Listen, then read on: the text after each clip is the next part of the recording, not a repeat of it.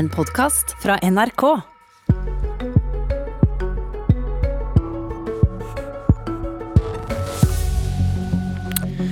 Det var en gang for ikke så veldig lenge siden. Arbeiderpartiet fikk en oppslutning på 29,7 ja, Det er et dårlig tall for oss. Det, vi bør ligge høyere. Under 30% var altså uhørt i 2016. Nå, fem år senere, må Støre kommentere målinger under 20.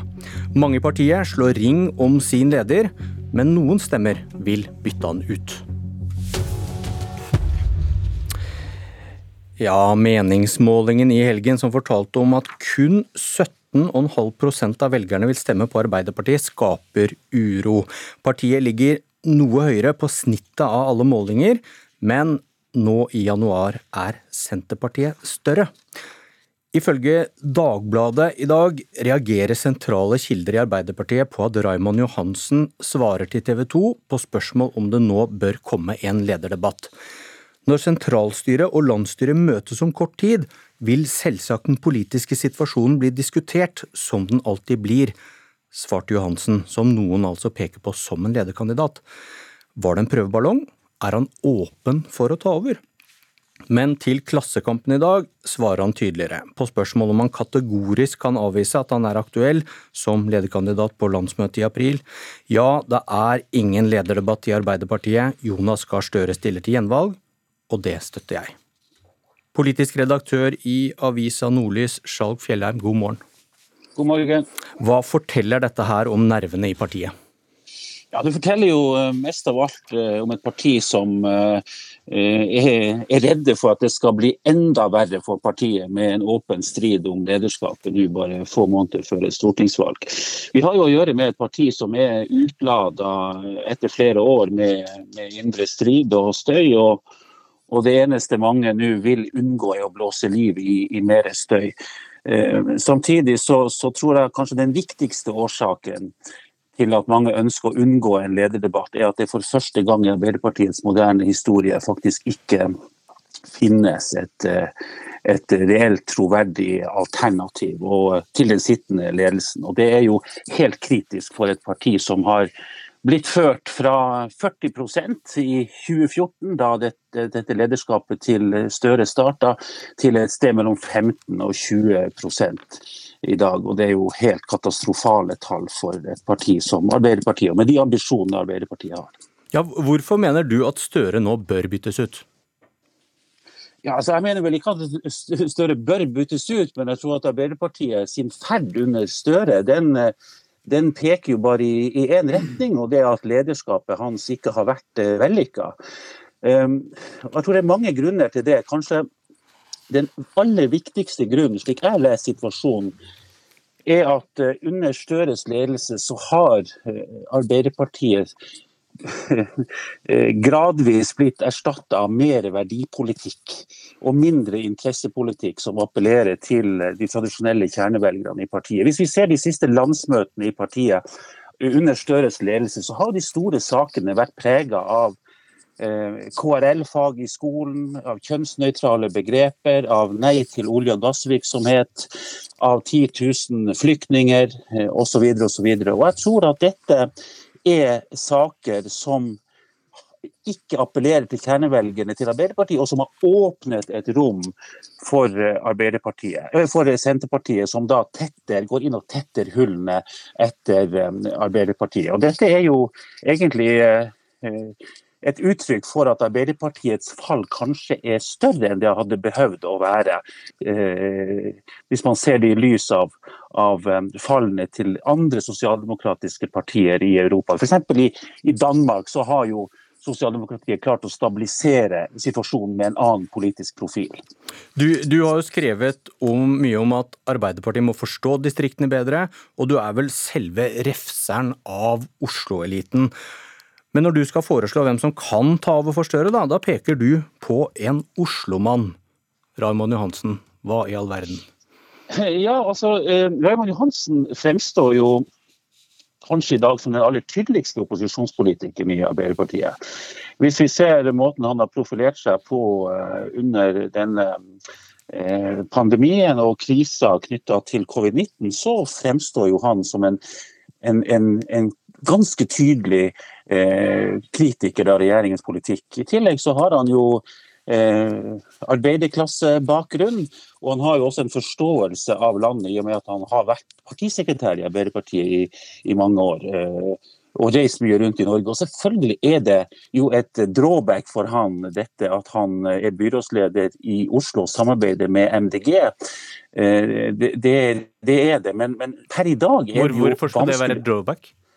Jo, fordi jeg tror MDG ikke er noe fluepapir for uh, tradisjonelle sosialdemokratiske velgere andre steder i landet utenfor enn en, en i landets uh, hovedstad. Men jeg tror jo, Johansen sier jo sjøl at han ikke er aktuell, og, og, da står vi jo igjen med at det faktisk ikke finnes et reelt alternativ til, til Arbeiderpartiet. Men det er ingenting som tyder på at Arbeiderpartiet nå vil være i stand til å snu denne trenden Eh, med åtte-ni måneder igjen til det viktigste valget i partiets historie etter annen verdenskrig. Politisk kommentator i NRK, Magnus Takvam, god morgen til deg også. God morgen. Hva tenker du om det Fjellheim her sier om lederstrid, Støre og eventuelt da Raymond Johansen? Det er klart eh, det er eh, helt naturlig at eh, både observatører og folk i partiet setter søkelyset på partiets ledelse med den oppslutningen Arbeiderpartiet har nå, som er historisk lavt. Samtidig så er jeg enig i at det ikke er en situasjon i øyeblikket der det er noen alternativ lederkandidat, og at en påtvungen eller en lederdebatt som partiet selv, i hvert fall ledelsen selv, ikke inviterer til, eh, vil være gift for partiet og skru det ytterligere ned. Så er det i tillegg et par, par eh, refleksjoner. Eh, når man snakker med folk i Arbeiderpartiet, så så er det mange som peker på at ja, Jonas Gahr Støre er omstridt og har fått skal vi si, et image i befolkningen som er et til dels problem for Arbeiderpartiet. Og noe av det er selvpåført, men veldig mye er på en måte av hele den eh, alle de omstendighetene som vi kjenner de siste årene når det gjelder eh, Arbeiderpartiet. Og at også den øvrige ledelsen som kollektiv har et minst like stort ansvar. Bl.a. partikontoret og at partiorganisasjonen, partikulturen, selv etter opprydningen som skulle skje etter metoo, ikke har, har, har, skjedd. Og Dermed så, så peker alle på, på ledelsen. Det er frustrasjon, men ingen, i hvert fall veldig få, vil ha en lederdebatt nå. Og så til spørsmålet de sikkert da har stilt seg igjen og igjen på Youngstorg også. Hvorfor har Arbeiderpartiet mistet velgere? Altså, det er jo en dynamikk der eh, en del av forklaringen er Senterpartiets eh, framgang og de øvrige eh, venstrepartienes framgang. Altså at det er en analyse som jeg har sans for, som tilsier at Arbeiderpartiet, som det noen kaller den tradisjonelle trauste arbeidshesten i norsk politikk, styringspartiet, som historisk har vært en koalisjon av ulike interesser, og at nettopp denne styrken ved Arbeiderpartiet, dets gjennomslagskraft, er på en måte DNA-et, identiteten til Arbeiderpartiet, og hvorfor også folk som ikke fullt ut eh, alltid opp, slutter opp om partiets linje, likevel gjør det. Nå er det under et så sterkt press eh, at eh, oppslutningen forvitrer. Og hele denne ideen om en koalisjon er også i Arbeiderpartiet altså er under press. Og det er jo verdt da å nevne at dersom man skulle f.eks. som Skjalg Fjellheim sier, gå den retningen som er på en måte eh, Senterpartiets vei så, i større grad, eh, å ta igjen de velgerne, liksom, så, så, er det i praksis også å gjøre et linjevalg internt i Arbeiderpartiet i en bestemt retning, som vil fremmedgjøre store deler av yngre velgere, av miljøvennlige velgere osv. Slik at her er det ikke en quick fix. På, på ytring så stiller du spørsmålet er Senterpartiet det nye Arbeiderpartiet? Og hva svarer du på ditt eget spørsmål? Eh, ikke nå, nei. Men det er en frykt blant mange i Arbeiderpartiet for at Senterpartiet, slik det har vokst, eh, kan endre eh, identitet, eller bli oppfattet ikke lenger bare som et særinteresseparti i stor grad for distriktene, men et bredere folkeparti med appell også til fagbevegelsen.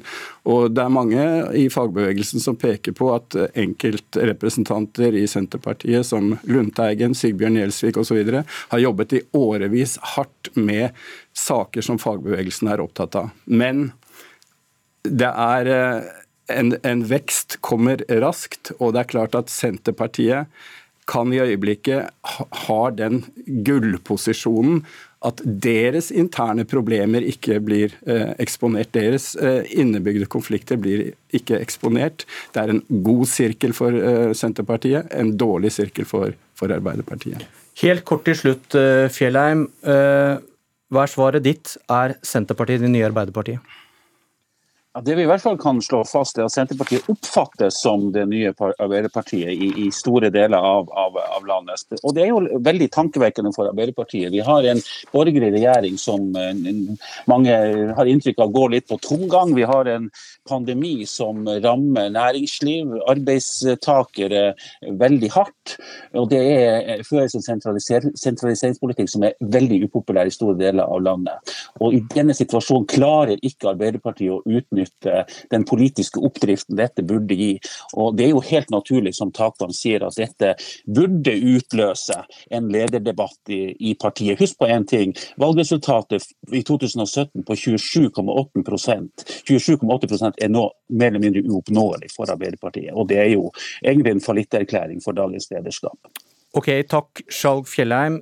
Takk Magnus Takvam. Vi, vi slipper ikke Arbeiderpartiet, vi skal snakke om et sår som gror dårlig.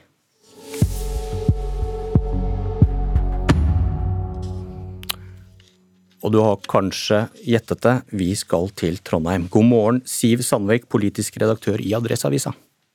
God morgen. Hva er det som har skjedd i Trondheim arbeidersamfunn? I Trondheim arbeidersamfunn, som er det desidert eh, største lokallaget her i byen, eh, så har den sittende lederen Tine Eikevik blitt eh, vraka til fordel for stortingspolitiker og til og med visepresident i Stortinget Eh, Eva Kristin Hansen. Og Den var ikke mange som eh, så kom, og det ble først eh, kjent for det digitale årsmøtet da møtet var i gang. Og enden på en lang og oppheta debatt ble at Hansen vant med god margin. Hva, hva er motivet for å fjerne Eikevik? Det kommer jo an på hvem du spør. da. De som ville ha en ny leder, de mener at Eikevik har vært en, en solospiller, og at det har vært Eh, lite aktivitet og manglende forankring. Vi må huske på at eh, før det mye omtalte eh, valget av fylkesleder i Trøndelag i sommer, så ble jo Giske vraka av Arbeidersamfunnet, som er hans eget lokallag. Og det var mange som reagerte på at medlemmene ikke ble forhørt, ble hørt med før det. Men for Eikevik sine støttespillere Eh, så er det ikke noe tvil om at eh, det her dreier seg om noe helt annet enn misnøye med aktivitet i lokallaget. De sier at eh, det her er payback time, ord som hevntokt brukes. Og sjøl sier at det her er gjengjeldelse for at hun sto i bresjen for å ønske en annen fylkesleder enn Trond Giske. Er dette et problem for noen andre enn Trondheim Arbeiderparti? Nei, som eh, du har via sendinga til, eh, så vet vi jo at eh, Arbeiderpartiet sliter med, med mye større problemer enn en personkonflikt i Trondheim arbeidersamfunn. Men hvis denne konflikten eskalerer og det blir mer personstrid i Trondheim Arbeiderparti, som er et viktig lokallag i valgkampen, så vil det jo forsterke inntrykket av at de er mer opptatt av å krangle enn å løse problemene til folk. Og veldig kort til slutt, Hva vitner dette bråket om? Det vitner om at Giske-saken ikke er over, og om at folk fortsatt blir plassert på den ene eller den andre sida i denne konflikten, enten de vil eller ei. Eh, og skal de eh, bygge en ny partikultur, som de har sagt at de skal gjøre, så må de frigjøre seg fra denne fløytankegangen. Takk, Siv Sandvik, politisk redaktør i Adresseavisa. Dette var Politisk kvarter. Jeg heter Bjørn Myklebust.